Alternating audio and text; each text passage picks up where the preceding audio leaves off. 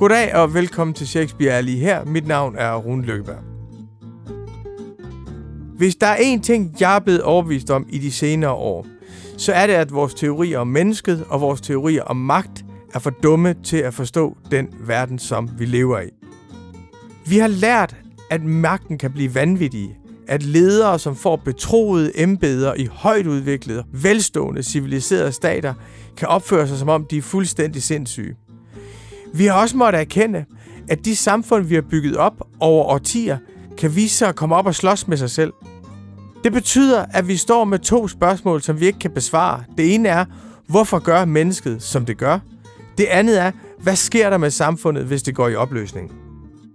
Jeg har fundet et sted, hvor det spørgsmål er blevet behandlet på et højere niveau og med en større respekt for kompleksiteten i det. Hvor vi fatter, at man kan ikke forstå magten, hvis ikke man forstår de mennesker, der udøver den. Og man kan ikke forstå mennesker, hvis man ikke forstår den sammenhæng, som de er i, hvor der er magt. Og dette ene sted er i William Shakespeares værk. Psykologi og magt. Det enkelte menneske og samfundet, det hænger altid sammen hos Shakespeare. Og jeg har forstået, efter jeg begyndte at læse Shakespeares stykker igen, hvorfor det er, at adjektivet Shakespeare dukker op over det hele. Det er fordi, der er et repertoire i vores samfund og i mennesket, som Shakespeare har sat i scene på en måde, så når vi ser Shakespeares stykker, så ser vi også noget i vores samtid, som vi ellers ikke havde fået øje på. Jeg ved ikke selv specielt meget om Shakespeare, men jeg vil rigtig gerne lære mere. Derfor har jeg valgt i den her sommer at tale med 10 personer, som har hver især deres eksistentielle forhold til Shakespeare, og jeg har bedt dem om hver især at vælge et stykke af Shakespeare, som de sætter særlig pris på, og som de vil introducere for os. Det særlige ved Shakespeare er i den her sammenhæng, at det er jo ikke litteratur, det er dramatik. Og det betyder, at der er skuespillere, der har stået aften efter aften efter aften i timevis og været nogle af Shakespeares karakterer. Der er instruktører, som har siddet i månedsvis og prøvet at finde frem til forståelsen af hver eneste replik hos Shakespeare.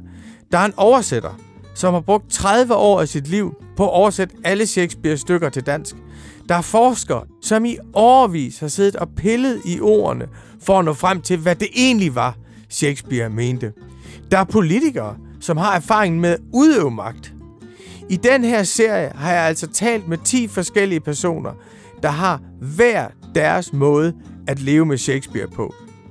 King Lear er den gamle mand, og, og det ser på magten fra døden af. Den første, som jeg taler med, det er teaterinstruktøren Katrine Hvidemann. Så Hamlet er jo den unge mands forhold til magten, og så har vi sådan en Macbeth, altså sådan en rigtig midalderne menneskes krise, sådan nogen som dig og mig. Jeg har et enormt godt job, men jeg vil gerne have det allerbedste job, så derfor kommer jeg til at slå kongen ihjel og kommer en masse råd. Om den gamle mand og magten, kong Lear. Og så til sidst har vi så ham, der har magten og skal afstå fra magten, som skal gå på pension, og graven venter. Så overgangen fra manden med magten, som er noget, til ham, der ingenting er længere. Det taler vi om i den samtale, der følger her. Katrine, vil du ikke fortælle, hvordan stødte du selv på Shakespeare første gang? Øhm, altså, jeg mødte Shakespeare meget tidligt, øh, øh, og det gjorde jeg ved, faktisk øh, var det øh, tv'et, der hjalp mig. Der kom, altså i, i 80'erne der, 283, der havde øh, tv, sendte de nogle tv-produktioner fra, fra England, øh, og der, der sendte de øh, en tv-version af øh, en lang, en 9 timers lang øh, udgave af Nicholas Nickleby, som Royal Shakespeare Company lavede øh, i London. Og, øh, og det var så de her ni timer. Faktisk er det, er det den samme tv-produktion, som inspirerede Lars von Trier til at lave Dogville. Altså, hvorfor ser Dogville ud sådan der mørkt øh, malet med gulv, hvad hedder det, tegninger på gulv? Det er fordi, han var inspireret af det her filmede teater. Umiddelbart er filmet teater helt forfærdeligt, men det var ligesom lavet som en rigtig øh, flerkameraproduktion og lavet til tv. Og der, det er en lang historie det her, men det var via Dickens, og det her, som jeg var helt besat af, der hørte jeg så om det her Royal Shakespeare Company. Hvad er det så for noget? Jeg begyndte at, det hedder jo ikke Google, men jeg begyndte, hvordan fanden man fik viden, ved jeg ikke. Men jeg begyndte at studere det der Royal Shakespeare Company. Dermed kom det så, Royal Shakespeare Company er så øh, det førende kompani, der laver Shakespeare i London, eller i England. Og, øh, og der begyndte jeg så også selvfølgelig at interessere mig for Shakespeare, og, fik, og havde så, øh, så havde mine, mine forældre øh, på hyldene stående nogle Shakespeare samlede værker, og vi havde, noget på, havde det på originalsproget. Og så begyndte jeg så øh, at øh, sidde og kigge med min ordbog, og sidde og oversætte nogle passager, og så sendte jeg også i fjernsynet samtidig, nok så kulturlitært, nogle, øh, sådan nogle masterclasses, hvor sådan nogle Ian McKellen og Judy Dench, og dem vi kender i dag, øh, store stjerner, faktisk arbejdede med Shakespeare-sekvenser øh, og blev instrueret. Og det sad altså også og så i de her underlige mørke tv-programmer, hvor alt var sådan, det var helt sådan underligt mørkt, og de sad og diskuterede de her passager og spillede dem og instruerede dem, og den der jamperne, og altså sådan det der enormt detaljearbejde med tekst, så næsten sådan sanslighed i forhold til sprog. Jeg tænkte også sådan, jeg forstod jo vel ikke det hele, jeg var jo kun 13-14 år, men, men, men det der enormt sådan fordybelse, der var i sproget, og de der store følelser, der ligger i sproget, og præcisionen, og de her store skuespillere, altså det var jeg simpelthen, det var jeg så fascineret af, og så begyndte jeg så at læse teksterne der, altså, og så kan jeg huske det allerførste, læseoplevelse var, at jeg sad og prøvede at stave mig igennem Romeo og Julie, og så kom jeg selvfølgelig til nogle af de sjove vittigheder i Romeo og Julie, og det jeg husker jeg som det allerførste, sådan, hvor, hvor, hvor Armen siger et eller andet med, med noget frægt, eller sådan et, hvor, og så det der med, ej hvor vildt, det kunne jeg godt, den joke kunne jeg godt forstå. Så det startede på en måde med de frække vittigheder, som er i, var i, øh, i nogle af komedierne faktisk. Så jeg var dybt, skal man sige, draget på en eller anden måde af tragedierne, men det var alligevel, altså de sjove og alt det, der kommer med komedierne hjælp, ligesom også mig sådan, som sådan en ung menneske, at jeg gad bladre videre. Ikke? Så det startede med det, og så, øh, så, var, og så gik der sådan en total øh, besættelse fetish i den for mig, og jeg var besat af Shakespeare Company, og jeg ville til... Altså stadigvæk, da du var teenager? Ja, ja, totalt meget. Og jeg var, det eneste, jeg ville, var at blive færdig med gymnasiet og komme til, til England og arbejde der, og blive stor... Øh, først ville jeg være skuespiller, så ville jeg være stor instruktør der. Det kom sådan i løbet af de der teenageår. Og så endte jeg faktisk også som 18-årig med at lykkes med at komme til London og bosætte mig med en kære, øh, hos en kæreste, min mor havde på det tidspunkt. Øh, hun var kæreste med en englænder, så jeg kunne ligesom via ham øh, blive blev hjulpet til at kunne være derovre, og så endte jeg med at arbejde en uge på Royal Shakespeare Company som propmaker øh, på The Barbican som 18-årig, inden jeg tog hjem i juletid, og så synes jeg, at det havde været for hårdt at blive hjemme derefter og droppe den store internationale karriere umiddelbart. Men altså, så, ja, det, var, det var sådan en lang altså, besættelse i løbet af de år af Shakespeare, øh, som jo så faktisk aldrig rigtig har forladt mig. Det, som er nu er min allerstørste drøm, og som det, vi skal snakke om i dag, King Lear, den, den, den mødte jeg også der. Øh, det, det var også igen tv, der leverede det sjovt og sjovt nok. Altså, det var også en tv-version samtidig ved en 384 af, med Laurence Olivia i hovedrollen, som også var noget tv-produktion, helt håbløs scenografi og filmeteateragtigt, hvor, hvor man, men jeg, jeg husker de der mærkelige billeder af ham, der sidder med en døde datter, og det, og det gik dybt ind i mig simpelthen. Og jeg havde bare sådan, King Lear, det er bare min største drøm at lave det, det en eller anden dag. Altså, og det har været min største drøm Altså helt, helt ind til forleden dag, hvor jeg så lavede det, og det så blev nedlagt samme dag, hvor jeg havde premiere, og ingen nogensinde har set det. Var det noget, du havde sådan alene? Det, jeg får, det lyder som om, det er sådan en teenageværelse, Laurence Olivier, Channel 4, Danmarks Radio, Katrine Hvidemann alene i verden, eller var det noget, du delte med andre? Altså, du kan roligt regne med, at det delte jeg ikke med nogen, fordi det var der ikke nogen, der gad dele med en. Altså, jeg har aldrig overvejet at dele det med nogen i det år. Altså, det var noget med at være, være, være skal man sige, skilsmissebarn øh, til, til ung teenager, have for mange timer, øh, alt er kedeligt, man er hjemme. Altså, mange lange timer uden noget at lave er jo en gave til, altså, til en på den måde, man bliver nødt til at gå op i et eller andet. Øh, så, så det var sådan en besættelsestilstand, der var øh, i de tomme timer i de der år. Nej, det delte jeg på ingen måde med nogen, og det har jeg heller ikke altså, har brug for. Altså, så det var et eget rum, der ligesom voksede, øh, og som, ja, som kan sige, så begyndte jo at blive at folde sig ud i, i, i, det, i det ydre og i mit reelle liv, da jeg så begyndte at, at, at lave teater, og så lavede vel den første forestilling af Shakespeare var måske jeg ved ikke, om det var Romeo og Julie, eller ja, det ved jeg ikke, men så i hvert fald, så begyndte jeg jo så at tage fat i teksterne og kunne få lov at lave dem, ikke? Og, og det har bare været for vildt, altså. Men hvordan, hvad var din vej til teateret? Øh, jamen det, jeg kan næsten ikke sige, hvornår det startede på den måde, at jeg, da jeg begyndte på det der, øh, der var jeg allerede meget, da jeg var 13 der, altså der, siden i 3. klasse, tror jeg, så gik, begyndte jeg, så kom jeg til at gå til drama, og, og så, blev jeg, så var jeg bare sådan, det var bare helt fantastisk at være skuespiller. Så, så jeg lavede jeg en masse sådan skuespil i skolen, og du ved, instrueret og spillede hovedrollen i alt muligt i folkeskolen, og, og det blev bare ved og ved et langt, øh, altså en masse, masse sådan, teater, jeg selv styrede. Øh, og så langsomt blev det, øh, overgik det til, at jeg hellere ville instruere. Det skete i løbet af, altså vendepunktet var sådan en, en forestilling, jeg lavede, en stor musical i 3.G på Christianshavns Gymnasium, som jeg skrev og instruerede. Øh, og der valgte jeg sådan til, at det var ligesom, jeg ville hellere stå bagved og, og, og instruere. Det var der begyndte det at tippe over, så jeg ikke længere ville være skuespiller. Og hvad skete der så efter? Altså, du er ikke på nogen teateruddannelse eller sådan noget, vel? Nej, jamen, så søgte jeg ind på teaterskolen, der var 19, og kom ikke ind. øh, og, og det var jeg så ked af selvfølgelig, men, øh, men så begyndte jeg faktisk at instruere selv øh, på Fortran 2, den mindste scene i byen. Jeg tænkte, nu på, okay, jeg må starte småt og lave et lille bitte skuespil, der så langsomt, der så fik anmeldelser, at jeg selv, jeg var selv betalt, og jeg havde slet ikke regnet med andet, end vi skulle, du ved, det skulle være mine forældre, der kom og så det i prøvelokalet -agtigt. Men så blev det ligesom en rigtig forestilling, og vi, fik, vi indkaldte anmeldere, og de var, jeg fik mega gode anmeldelser. Og så efter det kørte det bare, eller så fik jeg, eller kørte det bare, lyder forkert, der fik jeg så jobs også udefra. Jeg mener, så begyndte det, at, at, at, så begyndte jeg faktisk også at få arbejde, og så kom jeg, fik jeg det første job på Betty Nansen øh, året efter, og arbejdede med Susse Vold, og det fik meget stor eksponering og sådan noget. Ja. Og, og så kommer vi tilbage til Shakespeare, så laver du blandt andet Romeo og Julie. Ja, altså jeg har faktisk jo lavet nogle af mine øh, store, øh, st- min, at nogle af de forestillinger, jeg er gladest for, det er faktisk i Sverige, i Stockholm, jeg har lavet dem. Øh, på Dramaten lavede jeg Rum med Julie i sådan en meget sådan voldsom ambitiøs øh, sammensætning sådan ny cirkus og dans og drama, altså rigtige sku, klassisk dan, øh, skuespillere fra Dramaten og improvisatør. Altså sådan en kæmpe forestilling, jeg fik altså ansvaret for. Øh, øh, og som, som blev meget, meget stor succes, og som sådan kom ud og rejse i hele verden. Og var, det, var, det, var, det var virkelig sådan en flying start, altså. Øhm, og fordi det havde de her øhm, crossover-ting, og, men også, øhm, det var også klassisk trænede skuespillere, der, der spillede og sådan noget.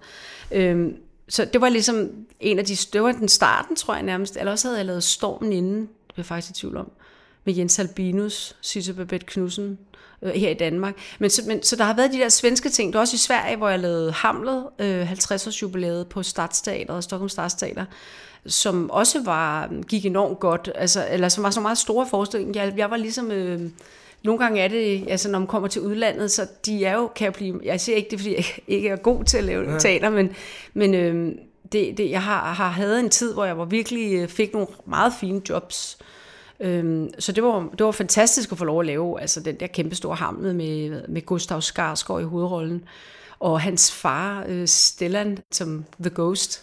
Altså ikke i levende live, men som en stemme. Så Stellan Nej, han kom, ja, han, han, det var kun en optagelse, men Stellan kom så over fra Hollywood for at lave optagelsen af, af, af genfærdets stemme, og så spillede de mod hinanden. Det var meget sådan, man var en flue på væggen af de der to øh, folk der, den der søn af den rigtige far, der er rigtig fjern, som, som, som han er jo, ham der stiller er jo altså, i USA en smule mere end de fleste fædre. Så øh, bare, sidde, bare se deres møde, altså det var, det var så på en eller anden måde meta øh, de, øh, gentagelse af temaet, far søn temaet, og sådan, altså sådan nogle slags oplevelser, store masser af oplevelser af den art.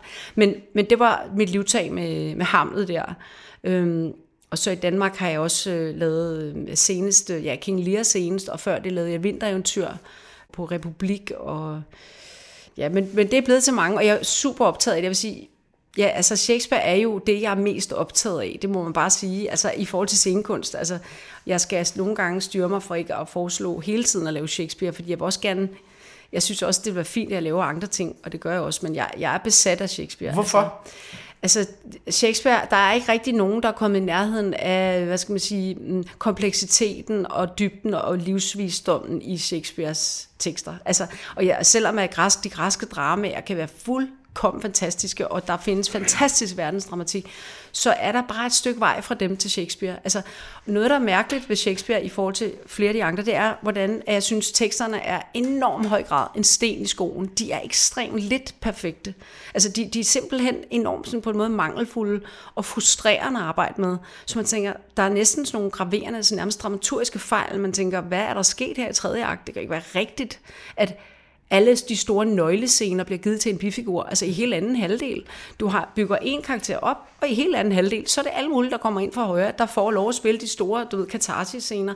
Sådan nogle ting, man tænker, det er sgu da ikke god dramatik. Altså det er på en måde meget meget mærkeligt, altså mærkelig dramatik. Øhm, og der er et eller andet med, at det er ikke det perfekte i hvert fald, som, som, som, som øh, laver mesterværket. Altså der, der er et eller andet med, at man i det der imperfekte, ligesom om der er en slisse, man kan falde ned igennem en masse huller, der bliver du nødt til at putte dig selv ind og, og, og, og og det, det er evigt øh, krævende, altså at prøve at få det her lige med sammen, og få det her til at virke som en simpel fortælling. Altså, og det er jo ret spændende at have noget, hvor bare det at sige det enkelt er svært. Altså frem for at have noget, der er enkelt, men ikke har nogen rigtig dybde.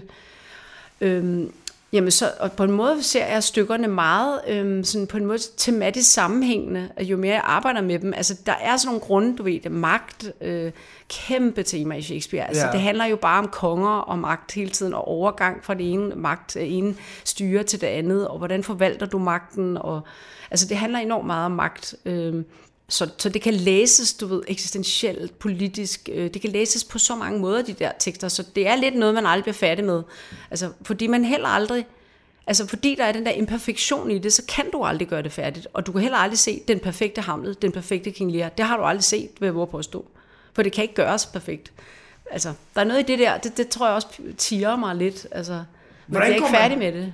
Ja. Hvordan går man til det så? Altså, går du til det som imperfekte forlag med en genial kerne, så jeg skal ligesom øh, Michelangelo slå sten, uh, øh, altså redde skulpturen ind i stenen, eller går du til det med en vis andagt? Hvad var hans mening? Hvordan kan jeg bedst forløse det øh, her? Altså jeg går, med, jeg går til det med, med en, en, en kæmpe andagt på den måde, at jeg for eksempel altid har vidst, at jeg kunne ikke lave King Lear, før jeg var nået en vis alder. Altså, og jeg føler, at jeg er nået den alder nu. Altså jeg, der skal en lille smule livserfaring til at skildre øh, hans tilstand ude på den hede der.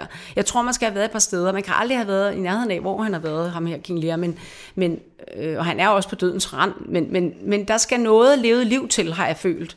Øhm, og, og jeg har ydmyghed over for hans tekster, men jeg øh, hvad skal man sige, jeg har heller ikke noget problem med at sige, at jeg synes, tingene på en vis måde ikke hænger sammen. Altså, og for at sige, her er der noget, der ikke virker, det tager vi ud. Jeg beskærer jo nogle gange teksterne meget voldsomt. Ja.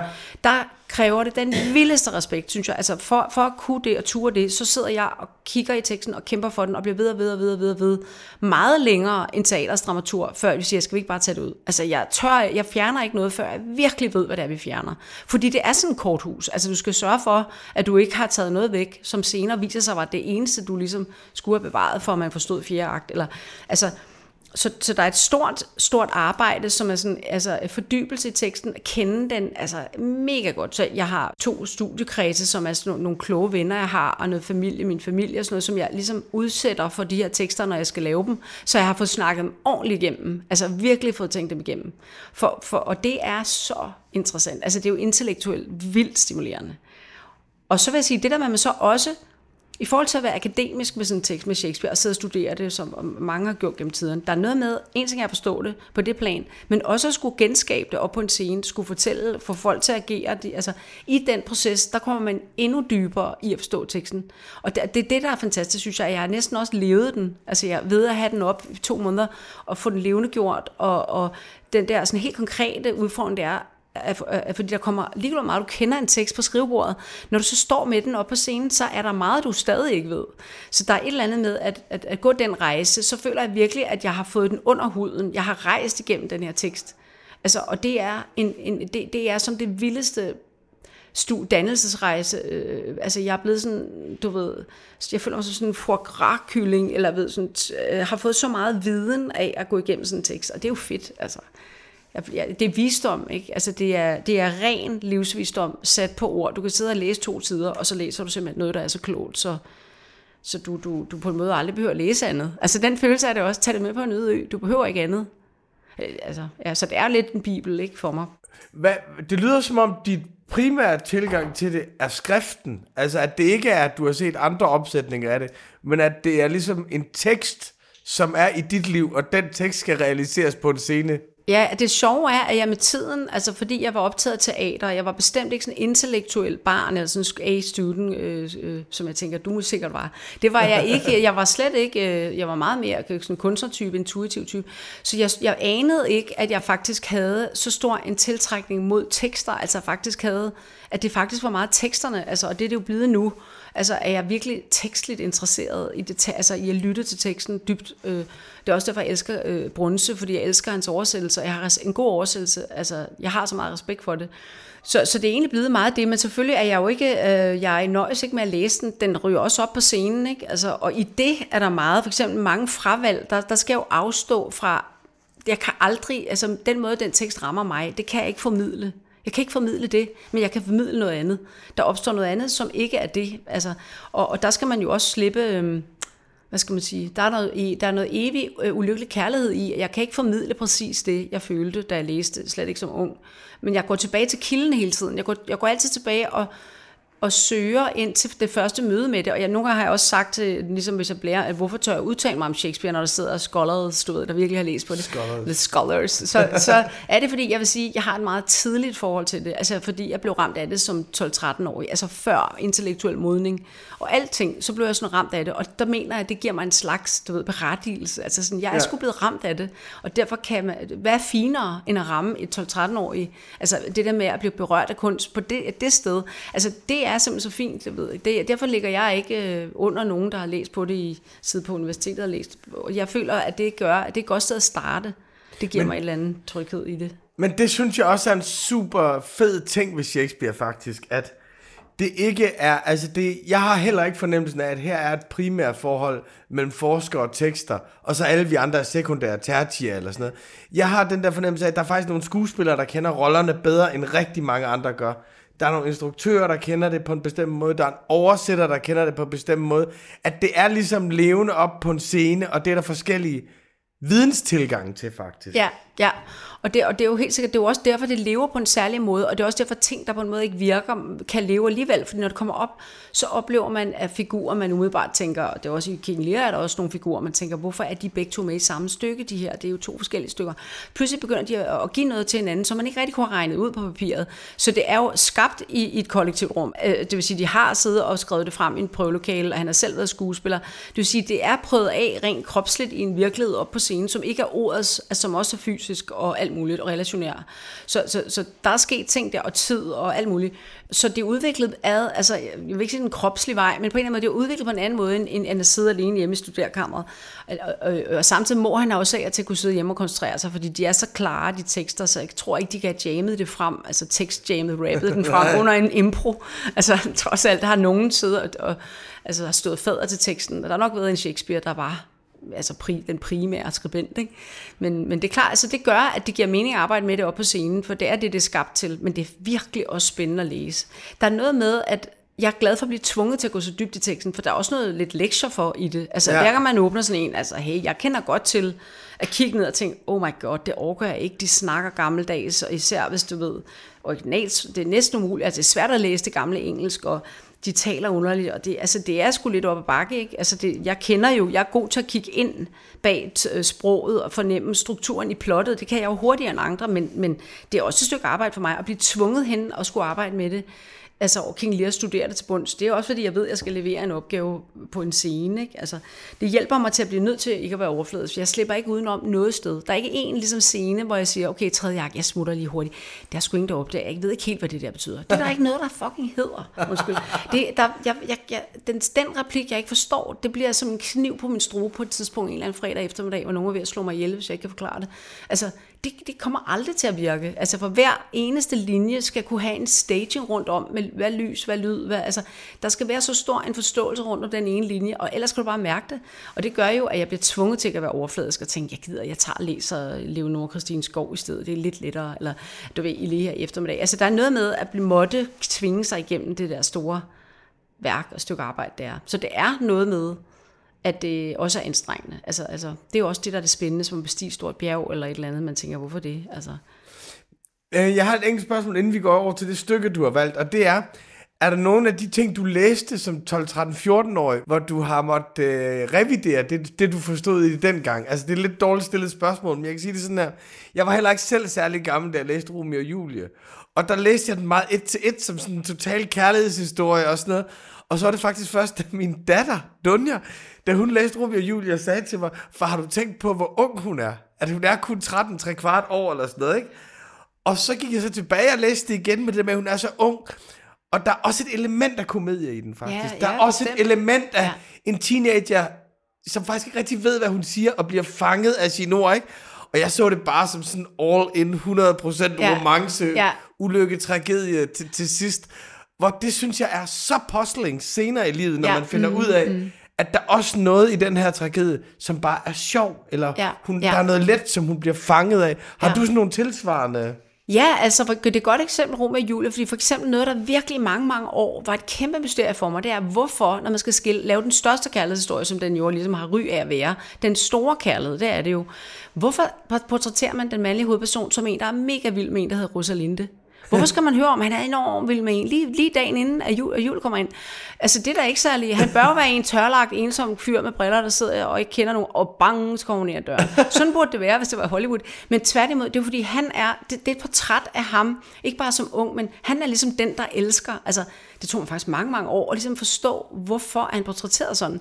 Fordi det er ligesom om, det, man, det, det er også, der er også et, et, et fugleperspektiv, der er større, hvor han også bare symboliserer det unge menneske, der elsker, og lavet til at elske, altså som skal elske. Altså, det er mere et portræt af en natur, eller det er større end bare en gut og, og, og, og at, at dramatikeren ønsker at lave en love story. Altså, det er ligesom også portrættet af naturen af den her mand, altså kærlighedens natur, altså, han er klar, han elsker simpelthen bare, og er det ikke hende, så er det hende-agtigt. Eller der er noget i det der, som, som er super meget den, det, det er den livskunst, han har. Og der, der synes jeg, at når man så læser det, øh, altså for hver 10 år, man, man ligesom runder, når man læser det, så ser man selvfølgelig noget forskelligt i det.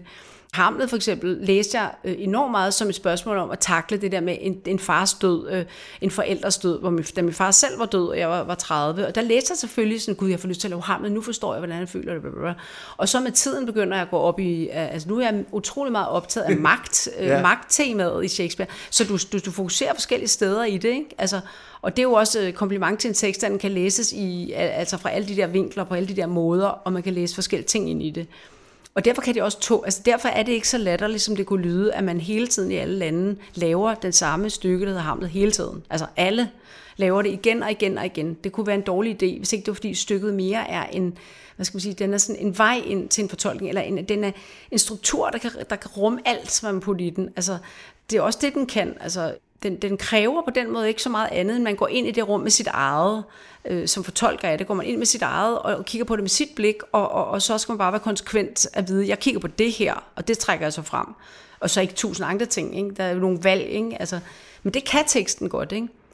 Øhm, så, så ja, det er da helt sikkert, at, at det betyder noget. Øh, hvad for et, hvad, for sagt, jeg, jeg gik enormt meget på de sjovfløde vidtigheder, ja. og, og, og nu er jeg mere sådan, ja, det interesserer mig ikke så frygtelig meget længere, altså, og, og, og komedierne interesserer mig desværre ikke så frygtelig meget. Øh, der var jeg mere til komedierne også i starten, der var noget ved det der, uh, det sjove, og det, det, fordi humor er sådan, noget af det springer jo op ad siden, altså, øh, så der, der, det er simpelthen også, hvordan man selv kigger på det, ikke? Altså, ja. Men det synes jeg er en sjov ting, fordi jeg synes, det er så interessant, så den kompleksitet, der er hos Shakespeare, så det med ens første læsning er altid ens egen begrænsning. Altså du ved, så ser man, det her en bestemt form for romantisk kærlighed, som jeg så ung har set i Romeo og Julie. Ja. Så har jeg gået ud og bagefter tænkt, om det er Romeo og Julie, og så har jeg set på andre folks kærlighed, det er sådan, det er, ikke? Jo. Og så når man bliver lidt ældre, så finder man jo netop ud af, jamen, han har været helt vild med Rosalinde lige før, derfor kan han godt blive helt vild med hende her ja, lige nu. Ja, fordi sådan er det. Ja, præcis. Det er jo sandheden. Altså. Og, når du så, og så ser du det som lidt ældre, ikke? Jo. Og så ser du så, øh, gud, jamen det er jo også sådan, den her kærlighedshistorie var. Og på samme måde, så tænker du, jamen det er jo rigtigt, når du er 13, 13, 13 kvart år, du kan godt have nogle enormt intense kærlighedsfølelser. Ja. Du kan så bare også have lyst til at sidde på en gynge en ja, halv time ja, bagefter. Ja, ja, ja. Den kompleksitet er næsten umulig at rumme. Og det der, der synes jeg, at hvis man skal sige lidt højstemt, at der er en udtømmelig kompleksitet hos ham, mm. som tillader også at blive ved med at genopdage kompleksiteten i tilværelsen. Ja, det er rigtigt, og der er, altså, der, jeg vil sige, niveauet af kompleksitet der er simpelthen bare sjældent, altså høj. Altså, og det er også der, på en måde, man kan blive tit udfordret på, at ens brille er for snæver, eller måske man bliver, jamen, hvorfor, sådan lidt, hvorfor skal han elske hende, når han nu om lidt skal elske hende, vi gerne vil have, han skal elske. Altså, du kan bare droppe den brille. Altså, det er simpelthen, ja. det er, kærligheden er større end det. Altså, det i rummet, der elsker, er større end det der lille fedtede blik, du har på ham, hvis du tænker sådan. ja. Altså, derfor så er det helt, som man bliver udfordret til, okay, skal jeg rumme, at han elsker Rosalina, og alligevel rumme, at han også elsker jul. Og, og det, er, det genkender man godt, når man er mere moden på øh, kærligheden som, altså lad være at være sådan en, hvad hedder sådan en petitesserytter, altså kærligheden, den er stor i slaget, altså det er, det kan mere end det, du, det der, ikke? Og det er, jo, det er jo enormt fedt hele tiden at blive nødt til at, så derfor bilder jeg mig egentlig, altså når jeg føler, at jeg kan forstå det hele fra A til Z, så så, kan, så tænk, ved jeg altid, at der er et eller andet, jeg, øh, altså det er en slags illusion, jeg har åbenbart sådan behageligt nok på en vis fase af en produktion, jeg tænker, nu har jeg sgu fået tjek på det. Men så åbner det sig igen på en eller anden måde, hvor, hvor jeg pludselig bliver i tvivl om, hvad jeg lige har stået og holdt et foredrag om, du ved, i teksten, kender du det? Ja. Så jeg endelig nået frem til, at jeg siger et eller andet med, øh, hamlet er Øh, du ved, jeg nåede, det, altså Hamlet er simpelthen, det der problemet er, han siger, han er passiv. Er der noget, vi ved om ham? Det er, at han er handlingslammet. Ikke? Er det ikke rigtigt? Man ved, man ved en ting om Hamlet, han er handlingslammet. Han tvivler. Så siger man, okay, det vil være logisk at lave et portræt af en handlingslammet mand. Det har jeg lyst til, for jeg vil gerne forstå, at han er handlingslammet. Hvorfor er det så sådan, at når man ser stykkerne, så løber han altid rundt? Han løber rundt, selvfølgelig fordi han er en skuespiller, der vil vise, at han kan spille alle aspekter af det her stykke. Han har endelig fået den rolle, han drømmer om. Han viser og spytter og græder og griner og farer rundt. Men det er faktisk ikke bare, fordi han er sådan, ham den skuespiller, du ser. Det er også fordi, alle scenerne er bygget op, så ham er mega handlende. Han kommer ind og ud af dørene, han rykker på handlingen. Det passer overhovedet ikke, han er handlingslammet. Og noget med det der, Altså der, der kan jeg godt, du ved, have taget mig så lang tid at nå frem til, at han var handlingslammet, og så finder jeg ud af, at det er virkelig ikke rigtigt.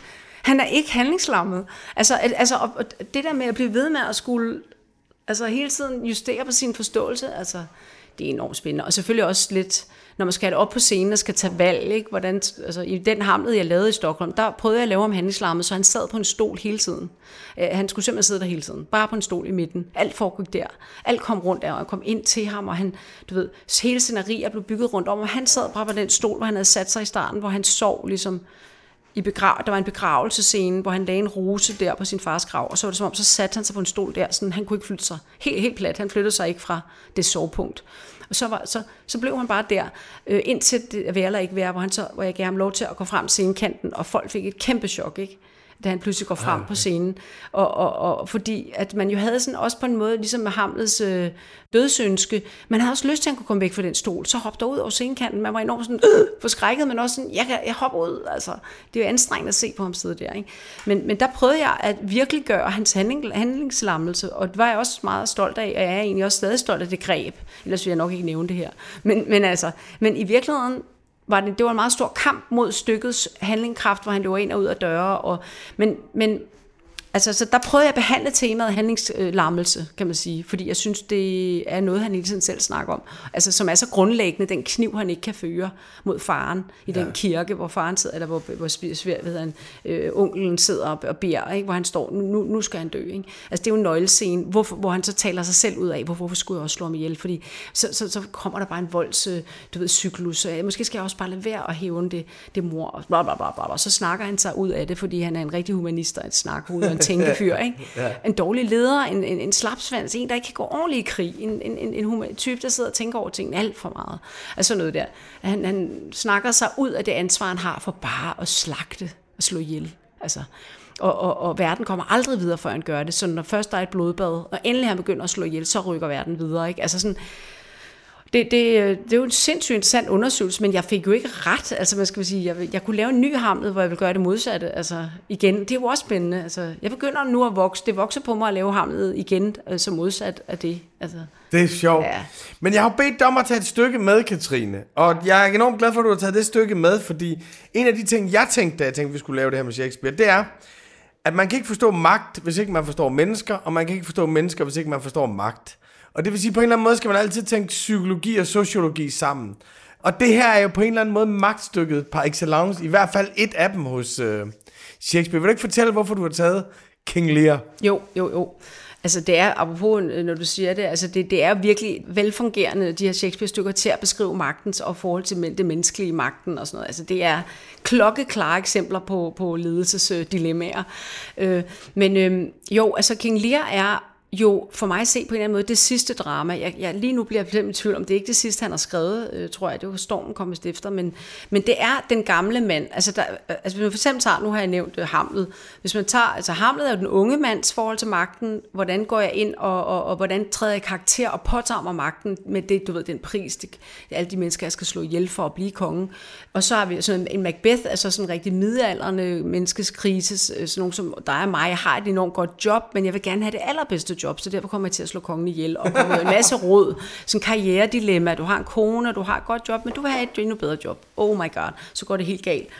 Øh, og så til sidst har vi så ham, der har magten og skal afstå fra magten, som skal gå på pension, eller som gerne vil have en, du ved, gå til et otium, og, og, og, som, og graven venter, øh, alderdommens skrøbelighed venter.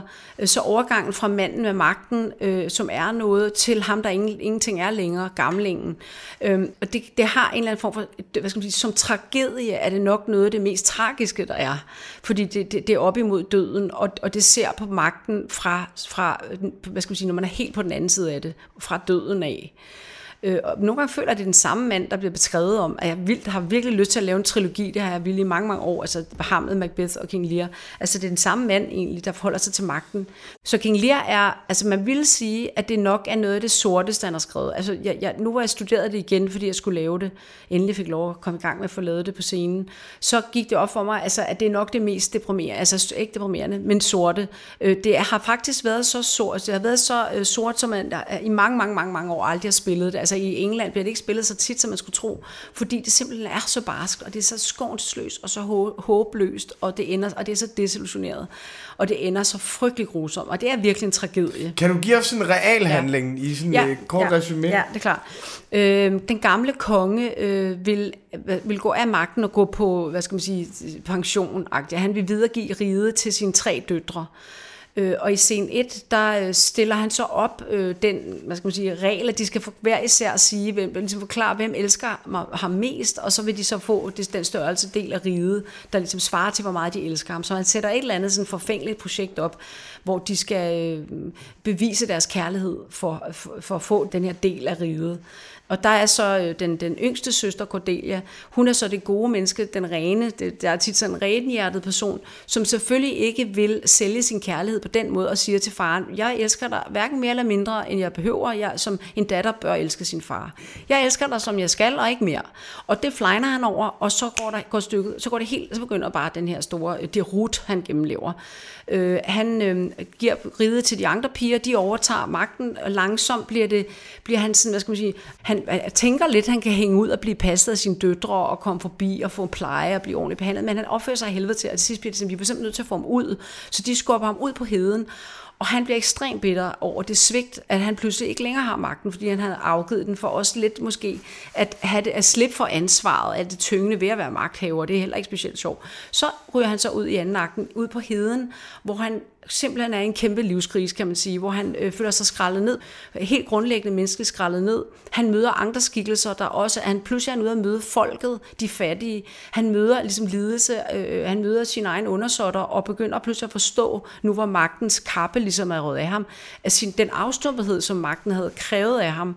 Så han er pludselig, du ved, øh, via at se de her, den, den hjemløses lidelse og sin egen, pludselig forstår han, at mennesket er ingenting uden magten og uden, altså han afstår ligesom fra at holde på at være i den magt, også den pligt i virkeligheden, det er også pligten, han stikker af fra. Fordi det, der sker, når kongen ikke er på magten i de her Shakespeare-drama, i det tomrum, når kongen ikke er der, så begynder det hele at gå helvede til. Så fordi han ikke er på magten, så, og de der piger, kvindelige ledelse der, begynder at forsøge, altså to styks kvinder, der sammen skal prøve at styre det rige. Jeg kan hilse at sige, at det går helvedes til. altså, det bliver, og de er værre, de er at man fornemmer, at de er meget mere brutale, end kong Lear var. Man ved ikke helt, hvad for slags leder han var, men de to damer var i hvert fald ikke nogen søde, bløde kvinder med bløde værdier. Så det er ekstremt brutalt øh, regering, de to har gang i, laver. Så, så altså man kan dybest set, kan de slet ikke få samlet billedet, af deres flåde, eller de kan ikke samle, der er nemlig krig i landet, det er også typisk, der er en eller anden ramme, hvor der er krig, og mod Frankrig, England og, og Frankrig er krig, og, og de skal samle sig for, for at kæmpe mod Frankrig, og det kan de slet ikke. Altså ride, det går helt af helvede til. Så King Lear, han gennemlever den her rejse, øh, hvor han langsomt forstår, at han har gjort en stor fejl ved at faktisk fra, fratræde fra sin position, øh, og han har forsømt sin pligt. Altså, øh, også magten som en pligt, og han øh, søger for tilgivelse fra den datter, han har, fik jeg sagt, han har forskød hende fra riget, det glemte ja, jeg at sige, han forskød Cordelia, og, og så sker der det, at øh, han til sidst kommer datteren tilbage, øh, og, og, og hvad skal man sige, han får tilgivelse af hende, og de er lige ved at få hinanden, eller man skal sige, han siger, det eneste jeg ønsker, de bliver så fængslet sammen i fængslet, og han er sådan, det en, jeg er ligeglad, om jeg skal leve i fængsel med dig resten af livet, bare jeg får lov til at være sammen med dig. Øh, og det er sådan en, en, en, en meget smuk og også ekstrem kærlighedsscene, også, også underlig, hvad skal man sige, hvis bare jeg kan være i et eller andet bur med dig, som to fugle, han har sådan en mærkelig tekst, og vi kan sidde i buret sammen, så er det lykkeligt. Det er jo ikke specielt lykkeligt for en ung pige som hende, men, men det der så sker er, inden at, det, at han ligesom får forløsning og tilgivelsen helt, så, så, så bliver hun øh, slået ihjel øh, af hans hovedmodstanders af den anden regering, og, og han, han dør uden at komme igennem krisen, og uden at også, hvad skal man sige, han når engang at angre, der er andre karakterer, som kommer igennem via anger, det er meget sådan noget med at angre, i de andre, i Storm for eksempel, der angrer hovedpersonen også sin ugerning i scene 1, starter scene 1, de får det helt op, hovedpersonen, og så en lang rejse, hvor de til sidst angrer, og måske får en slags tilgivelse. Her sker det ikke. Det ender bare midt i den mest sørg- tragiske slutning, hvor han ligger med datteren, og ligesom ikke vil acceptere, at hun er død, og han bliver vanvittig i det hele taget. Altså det er ligesom den gale konge, øh, portrættet af den her vanvid, som egentlig er en, en, en rejse mod, mod en selverkendelse, som, som, som aldrig ligesom bliver en fuld katarsis. Altså, og så i det der er der også en parallel historie. Det, der gør det meget svært, det der gør, at stykket er svært at få til at lykkes, det er, at der kører en anden historie samtidig om en karakter, der hedder Gloster, en mand fra Kong Lears øh, rige eller regering, som har to sønner, en uægte søn og en ægte søn, og fordi at kongen er ude, og i det her magttomrum, der begynder den her bastardsøn, den skidt karakterfyr, der er uden for hierarkiet, øh, han begynder langsomt at ville overtage magten og spreder ligesom løgne og får, altså langsomt er der spreder der sådan råd i det hele, ligesom der er noget rådent i Danmark i Hamlet, så er der sådan også rådent i hele det her system, som han spreder med løgne for at få magten til sidst. Og det er også ham, der sørger for, at Cordelia bliver slået ihjel. Øh, Øh, og til sidst dør han selvfølgelig også, og alle bliver slagtet til sidst. Og til sidst så kommer, der, kommer den gode søn op, op på marken. Det slutter med, at den, den, den rigtige konge, den eneste, der kan sætte sig op på tronen, når nu King Lear ikke kunne komme op igen, det er ham, der hedder Edgar, som er den gode, ham, der ikke er bastard, den rigtige søn, gode søn. Så der er også sådan noget underligt arvefølge ting, at problemet med King Lear er, at han har tre døtre, og han skulle have haft en søn, så hvis og det er derfor en del af riget? Det er præcis, det er noget råd. Altså et eller andet sted er det råd, der ikke bare er en, en naturlig affølge over til en søn, og så ikke mere palaver. Øh, men der er mange ting i spil i det. Altså der, der er også magten som pligt, og det at, at det er en fejl, at King Lear afstår for at tage sit ansvar. Og så på også lidt spændende, at han på en måde lader sig fred, altså han oplever også det menneskelige, altså kærligheden, som kærligheden bliver en meget stor svaghed. Kærligheden i det her er, der er kærligheden en fristelse til svaghed. Det han elsker Cordelia, han elsker sine døtre, og han, det er det, der gør ham svag. Kærligheden er ikke bare noget, der skønt at have rand. Hvis du er magtmenneske, skal du helst holde det på, af, på høre i afstand. Han, han begynder simpelthen at blive blød, altså han bliver ældre, han bliver blød, han er ikke så hård længere, og så øh, er, er det jo ikke så godt altså, at bestride, bestride sådan en stilling der. Hvad er det, der er... Det er jo et ekstremt mørkt, som du siger. Det er et ekstremt mørkt stykke. Jeg tror, det var Jonas K., der var meget begejstret for det, fordi dem der, der ligesom den, altså dem, der vil lave sådan absurd teater og sådan radikal eksistentialisme og vise, at tilværelsen er absurd og grotesk og sådan noget, de finder jo, hvad, de finder jo meget der, mm. fordi alle relationer udvikler sig destruktivt. Mm. Og der, altså der, hvor de gange, hvor de udvikler sig konstruktivt, der får det destruktive konsekvenser. Og der, så der er ekstrem ødelæggelse for længe alle, ja. alle intense følelser. Hvad er det, der er tiltrækkende for dig i det?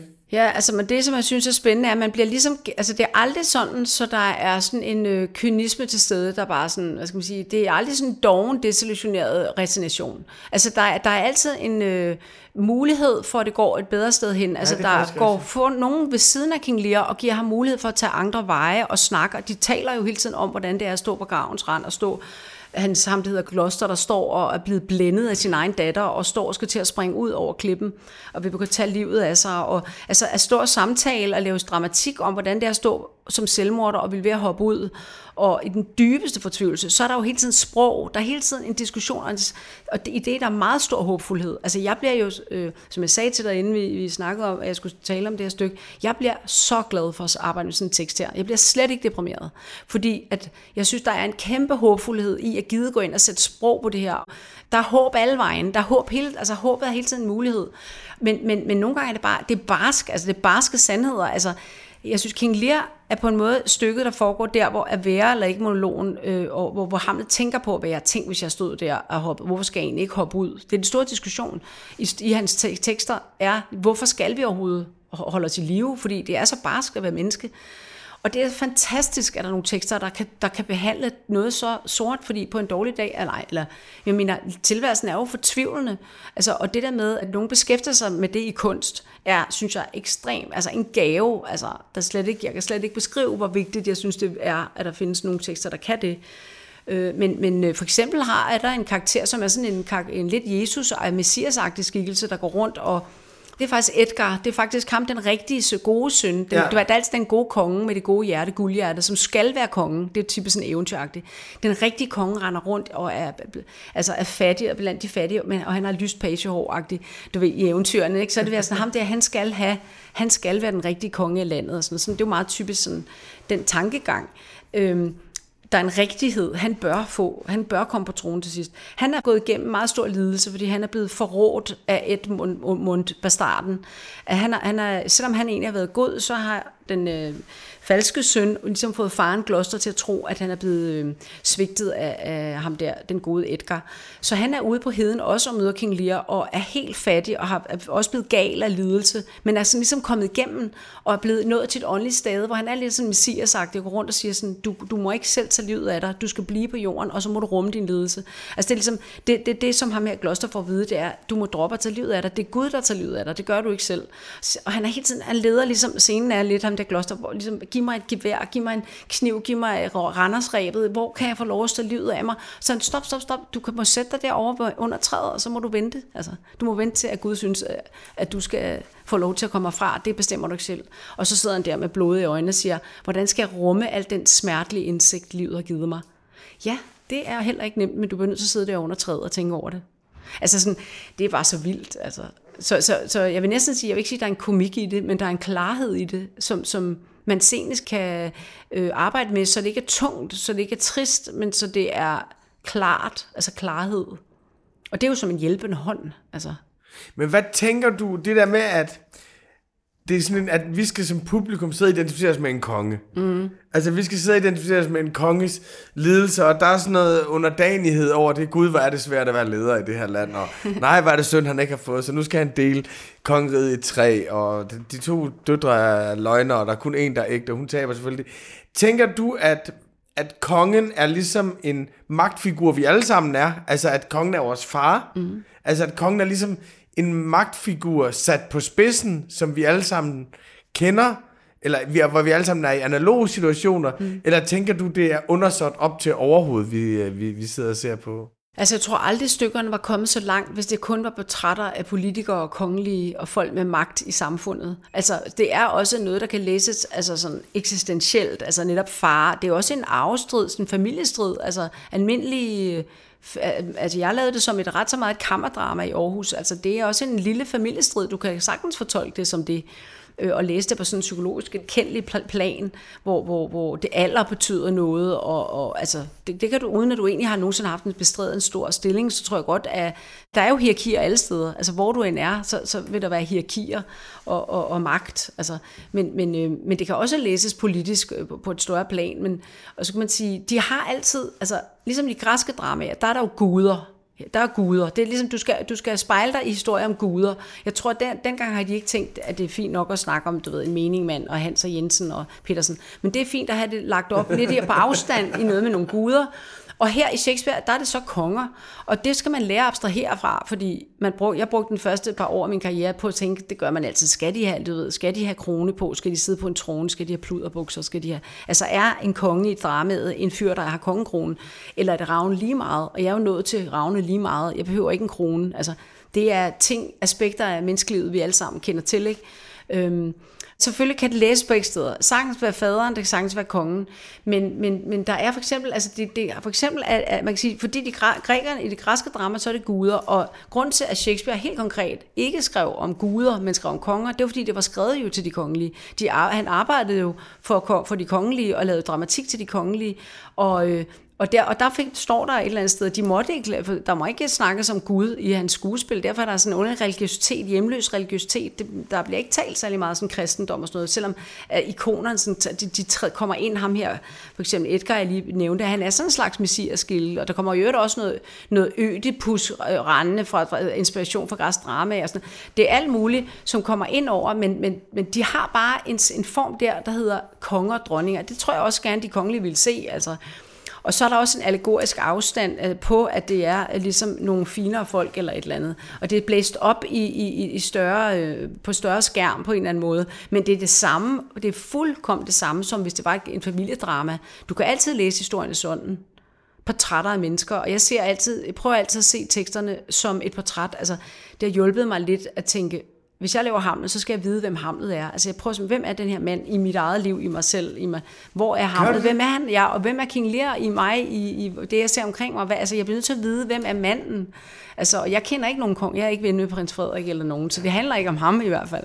Altså, du ved, det er ravn lige meget, det der. Men jeg kan sagtens finde det i mit nære, altså i mig selv. Altså, så det er jo portrætter, altså, og det er også tit i mit tilfælde, det er selvportrætter også, altså selvfølgelig er det det, altså for mig, selvom det er en mandlig konge på 85, altså eller et eller andet, ikke? Så, så er det noget med, at, altså, at, at, at, at man kan spejle sig i det hele, altså men der er også noget af det mest, altså det er jo på en eller anden måde det mest skånselsløse, det der med, King Lear, du skal snart dø. Altså, hvordan abdicerer man? Hvordan lægger man ansvaret fra sig? Hvordan giver man sit værk væk? Altså, det der er jo, det er jo en del af tilværelsen, der ikke er specielt rar at tænke på. Helt klart. At uanset hvad for, hvor høj en trone du kommer til at sidde på, så kan det godt være, at du løber rundt som tossen ude på heden om, ja. om et halvt år. Præcis. Og du er ikke selv her over det. Jeg synes, der er noget, altså, du er virkelig ude i noget, som vi ikke taler særlig meget om. Mm. Men det er et meget godt scenario at have været i, igennem, for den fornemmelse havde jeg læste det først for mange år siden, fordi jeg fandt ud af det der med, at UNESCO synes, det var det fedeste, fordi det var det mest meningsløse. Så tænkte jeg, ja, det er det mest radikale, det skal jeg selvfølgelig skal jeg læse det. Det er mest, fordi jeg er meget, meget radikal, ikke? uh, og det sagde mig egentlig ikke specielt meget dengang, andet end jeg kunne sige, det var det mest radikale. Men så øh, læste jeg det igen for ikke så lang tid siden, og der tænkte jeg, uha, den der den er godt nok ubehagelig. Ja. Du er så meget på toppen, ja. som han er i starten. Ja. Så du siger, nu skal I fortælle, hvor meget I elsker mig. Ja, altså du ja, ved, det, du kan tillade dig hvad som helst. Ja, ja, ja. Nu skal I søge, hvem elsker mig aller, allermest, ikke? Og der går et halvt år, så går du rundt og er ja. tosset ude på heden, og er sådan en, som folk har med lidenhed med. Ja. Det er virkelig brutalt færdigt. Ja, det er virkelig brutalt, ja. Og det er også på træt af, det er jo også magten. Altså det er jo sådan, der, man sidder aldrig sikkert noget sted. Altså det, det gør man jo ikke. Det, det på den måde, så er det altid den der tilstand af at være hjælpeløs, fuldstændig sådan øh, prisgivet en, en, en, en større magter. Øh, det er ligesom der, det starter. Altså, der, er ikke, der er ikke noget sikkert sted at være, altså heller ikke i magten. Og, og det portrætterer jo altid folk, der tror, altså det er jo magtfuldkommenhed over hele linjen. Det er altid altså, øh, den brutalitet, de også nyder at fremelske i sig selv, altså som magten kræver af dem, det er at blive brutale, og de har sådan dejligt, de slipper for at føle sig menneskelige og sårbare og, og alt muligt, og mærke andre mennesker, og de, de slipper for empati og, retfærdighedssand. Så der er så meget, som magten ligesom øh, fritager dem fra at føle. Altså næsten det at være menneske, ikke? men det er jo en illusion, fordi du ender alligevel der til sidst som skrøbelig gamling. Altså ynkelig. Hvad ville du gerne, da du så endelig fik chancen, og skulle lave Kong Lear, øh, og du har ventet på det i dit liv, og du tænkte, jeg skulle være klar, jeg skal være klar. Øh, det er ikke et pubertetsstykke, det her, det er, det er et seniorstykke. Hvad vil du så gerne have ud af det? Hvad tænkte du, det her skal fandme være Katrines King Lear? Altså jeg tror, jeg har, altså dels har jeg skulle, skulle lave det i mange år, forskellige slags, det var ved at komme i stand det ene sted, det andet sted og sådan noget. Øhm, men det startede med, som det tit gør, at jeg pludselig havde det sådan, jeg pludselig synes, at Jens Jørgen Sportak kunne spille King Lear, fordi der er også den realitet, der skal være en mand, du som ikke er så gammel, han ikke kan spille scenen, og som han skal have den modenhed, der skal til. Altså, og tit bliver Camilla jo spillet af en mand, der simpelthen er lige på vej på pension, og som, hvor det faktisk er souffløsen nede i souffløskassen, der spiller hele rollen, når han står med sådan en høreanlæg. Hvad siger du? Ej, som næsten ikke kan huske det, fordi han falder død om to sekunder ja. efter. Tit er det jo spillet der, hvor manden faktisk ikke længere er på toppen. Så derfor så er det tit folk, der er for gamle, der spiller. Jens Jørgen Spotter, han er ikke særlig gammel, og jeg, jeg som sagt mener jo heller ikke, det handler jo ikke om at være altså aldersmæssig kraperingsklar olding. Det er ikke det vigtigste, at han er olding. Så derfor så havde det sådan, gud Jens Jørgen, han passer sgu da til at spille King Lear. Det startede faktisk der, med at jeg regulært fik sat i stand at lave den nu, fordi jeg går man og venter, hvornår. Jeg vil gerne have lavet den med Henning Jensen i lang tid. Og, og, og man går lidt, fordi det er også, altså det er en stor rolle, og manden, der spiller, skal kunne det øh, på en eller anden måde. Så det starter der, men så kan man sige, så, så havde jeg faktisk også lyst til at lave det i en kammerspilsversion, fordi jeg synes, jeg vil gerne skri- skrabe den her tekst fri af fordommen om den, eller man skal sige, og, og, og prøve at give den til et publikum i en eller anden enkel form, der kommunikerer enkelt. Og derfor tænker jeg, at den forsvinder tit i store staging. Det er netop sådan en stor gammel stjerne, spiller hovedrollen, hvidt hår, sidste forestilling, og så lange masser af mennesker på scenen, og lange scenarier, du forstår ikke halvdelen, og en storm og sådan. Så tænk, okay, kammerdramaet, familiedramaet, jeg vil gerne lave en lille beskåret version, hvor der ikke var så mange mennesker. Så lavede jeg det på Aarhus Teater, som kunne huse det, for jeg var sådan, nu, det må laves nu. Kongeteater kan jeg ikke lave det, fordi det er lige blevet lavet. Og så fik vi sat det i stand, og så var det desværre, at pandemien kom. Og i øvrigt, King Lear er jo skrevet under, pand- under en pandemi. Præcis. Det er lidt sjovt. Så jeg, måtte skrive, jeg har skrevet en del klummer om at lave King Lear her. faktisk fordi den er jo skrevet, det er den tekst, man tager frem, som er skrevet under øh, udbrud af pest.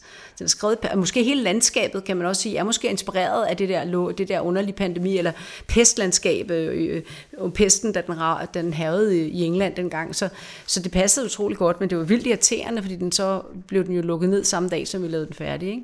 Men det, der lavede jeg, der tænkte jeg, og for mig at se, jeg kan kun holde ud og tage sådan en greb, hvis jeg ved, at jeg skal lave det i en anden form en anden gang. Altså, fordi jeg, at den her tekst skal jeg jo lave flere gange. Det er jeg helt overbevist om. Altså, jeg vil virkelig gerne lave den flere gange. Så du kunne lave det på den betingelse, at det ikke var den definitive gang? Ja, helt klart. Altså det er bare, og det er noget, jeg siger inde i mit eget hoved. Jeg ligesom tænker, selvfølgelig skal jeg lave den igen. Og allerede bare ved at have lavet den her på en måde sådan en luksusworkshop, kan man sige, over to, med de her mennesker, og en lang vej studereproces over de sidste to år. Så kan man sige, nu føler jeg mig klar til at gøre noget andet, end det jeg gjorde i februar. Altså fordi jeg, der er nogle ting, jeg tænker, det, det skal jeg gå videre med, når jeg Øh, jeg har gået i øjeblikket og overvejet, om jeg skal lave en endnu mere distilleret, distilleret version, hvor jeg sådan virkelig koger det. Jeg er meget fascineret af distillation. Destillationen, især i så stort drama som det her. Måske netop fordi det er kendt for at være det, et af de største og de vigtigste og de mørkeste. Så der er noget i at sige, en, altså, at måske nærmest en eller to eller tre medvirkende. Det, det, det, det, den form kunne passe. Altså, det kunne jeg godt tænke mig. Men jeg vil også gerne lave den large scale, øh, med jeg ved ikke, hvor mange medvirkende en anden dag. Hvordan ændrede det, når, man, når du sådan arbejder med sådan et stykke, du har gået med det så længe, og så bliver det konkret, og så arbejder du. Hvad, hvad, hvad, hvad, er, så, hvad er din erkendelse af det stykke? Altså, hvad, hvad, hvad ændrer sig i din opfattelse af King Lear? Mm, altså dels, skal man sige, så er jeg gennem en rejse, der meget tit handler om, at få skuespilleren til at forstå, for eksempel, hvor stor vildskab der er i det. Altså, altså hvad skal man sige, forstå, hvor meget de skal slippe noget fri i deres forståelse. Altså, fordi tit så kommer man jo igen hele tiden med ens vinkel på tingene, på teksterne, at bliver for, for, for snæversynet. Altså, at de, man skal spre, altså, jeg plejer at sige, det, det er det er vilde tekster. Altså, det er vilde, vilde tekster. Det er, det er ikke pæn, klassisk øh, Altså, der, der er nogle unge skuespillere, der spiller med. De forstår ikke, hvor vildt det er, og hvor mange muligheder de har. Så prøv at, sige, prøv at høre, tag fat, altså, tag fat i gavebruden. Du, du spiller nu rollen, du kan spille fucking alt. Lad, krop dog ud i det. Altså, du har så mange muligheder med det her stof. Prøv at tage fat i det og det og det. Og det. Altså, jeg skal åbne folks øh, mm, forståelse for, hvor meget stor frihed de har, faktisk, inden for rollerne. Ikke? Altså, så der er et stort arbejde med at få dem til at forstå det. Så det altså, jeg er jo kommet et stykke vej inden, når de møder teksten, så har jeg siddet og studeret på den længe. Ikke? øhm, jamen så når jeg vel til igen og igen at tro på, at det der er fejlende, øhm, altså alligevel kan noget. Altså, min, så, så kan man sige, så lever jeg af at være glad for, for eksempel i den her, øh, King Lear er kendt for, som sagt, den der splittelse, at det faktisk virker som et, to træer, der vokser sammen. Det virker som om, der er to fede skuespil, hvor de ikke kunne slippe nogen af dem. Så den ene er stykket om Gloucester, og det andet er stykket om King Lear, og det vokser sammen. Du kan ikke få dem øh, skilt ad. Du, du kan ikke gøre det enkelt. Og den der, hvad skal jeg bruge de der to gamle mænd til? Kunne der ikke bare være en? Hvorfor kan King Lear ikke blive blændet og rende rundt med blod i øjnene? Det er ham den anden, der gør det. Det bliver man enormt frustreret over. Men at finde en løsning på, hvordan er de to, altså alligevel at løse det, Shakespeare har gjort, altså det er det, som jeg så kan ende med at være stolt af at lykkes med. Men, men jeg tror bare, jeg føler det som om, at jeg jeg forstår det. Jeg kan bedre tale øh, med, om det med dig nu, fordi at jeg har det kørende inde i hovedet nu som en film, øh, hvor, jeg, hvor jeg ved, at jeg forstår teksten på et dybt plan. Men for eksempel det der med, at selvom jeg har læst på det så meget, så havde jeg ikke før tænkt, at det faktisk er stykket foregår det sted, hvor Hamlets øh, monologer vil eller ikke være er, at det er en selvmord, altså det er en selvmord, en diskussion med en selvmorder. Det handler dybest set om, hvorfor skal vi være her overhovedet? Hvorfor tager vi ikke livet af os? Altså det, det synes jeg er ret vildt, altså, at det egentlig handler om det i, i rigtig høj grad. Det drejer sig om den, den, det store spørgsmål, hvorfor ikke tage livet af sig? Altså, det synes jeg er altså interessant. Altså det, her, det, jeg vil sige, så dybt kunne jeg ikke læse det før. Altså, og så er det også fordi, når man så læser teksterne, så forstår man det, og så igen forstår man det ikke. Og det kører hele tiden sådan, så kan man nogle gange have læst på det enormt længe, og så skal man så forklare øh, skuespilleren til læsbrugeren, hvad, hvad, hvad, hvad sker der egentlig der, øh, det store optrin i tredje akten, retssagen, hvor vanvittigt er i fuld flow, så er man sådan, det kan, jeg, jeg ved sgu ikke, jeg bliver nødt til at gå hjem og, og genfinde min forståelse. Så, så, så når det ligesom bliver født i konkret form på scenen, så kommer der sådan en tidspunkt, hvor du ikke kan forklare det, og ikke kan forstå det, og så skal du hjem og tænke, hvad var det egentlig, det handlede om, det vanvid. Så skal du ind igen, nå, det var den, det var det. Altså man har sådan forståelse i bølger. Ja. Det kender du sikkert også godt. Man kan pludselig stå, at det som om en tekst kan være helt lukket for en, man forstår det pludselig ikke, det man lige har vidst. Så sådan er der også en veksling. Altså indtil nu vil jeg sige, kunne, jeg, kunne du nok bede mig om at forklare alle scenerne, og så føler jeg, at jeg kunne snakke om dem. Jeg føler, at jeg er blevet klogere, simpelthen som menneske også. Fedt. Det, og det benefitter jeg jo fra, som man siger på dansk. Jeg har et spørgsmål til sidst, noget jeg også tænkt meget over, Katrine, som er, at hos Shakespeare, det er på en eller anden måde jo konservative skuespil i den forstand, at der kommer aldrig noget godt ud af, at den sociale orden går under. Altså, det, altså opløsning af orden er altid ekstremt farlig. Ja. Så på den ene side, så er det sådan virkelig, hold på de autoriteter, du har, det bliver kun værre herfra, det er skide farligt. Øh, derfor, altså, en hver forandring i starten af et stykke, det er altid bad news. Altid bad Altid. news. Ja. Men så på den anden side, så er der jo hele tiden det der med, at stykkerne lærer dig også at se dem, der bestemmer over dig, som nogen, der kan være tosser ude på heden lige om lidt. De lærer dig også, at, at jamen, det der med at være en helt særlig person, det er noget, du får fra det sociale hierarki. Og det, du ser, når du ser kongen, er ikke en person, det er en position, og kongen er ikke kongen, medmindre du, du anerkender dem. Så jeg synes, at på den ene side er det der med, don't mess and fuck with order. It's very, very dangerous. Ja. På den anden side, så er der det der med, du skal ikke tro, de andre er noget særligt. Nej. Du, du kan gennemskue dem uh, derfra. Ja, ja. Kan du følge min refleksion om Fuldstændig, fuldstændig. Det, er sådan, det, det står imellem de der to ting, og der kommer, det lander heller ikke på et svar, men det er, som, det, det, det, det er nogle dynamikker der, at det bliver set fra begge sider hele tiden.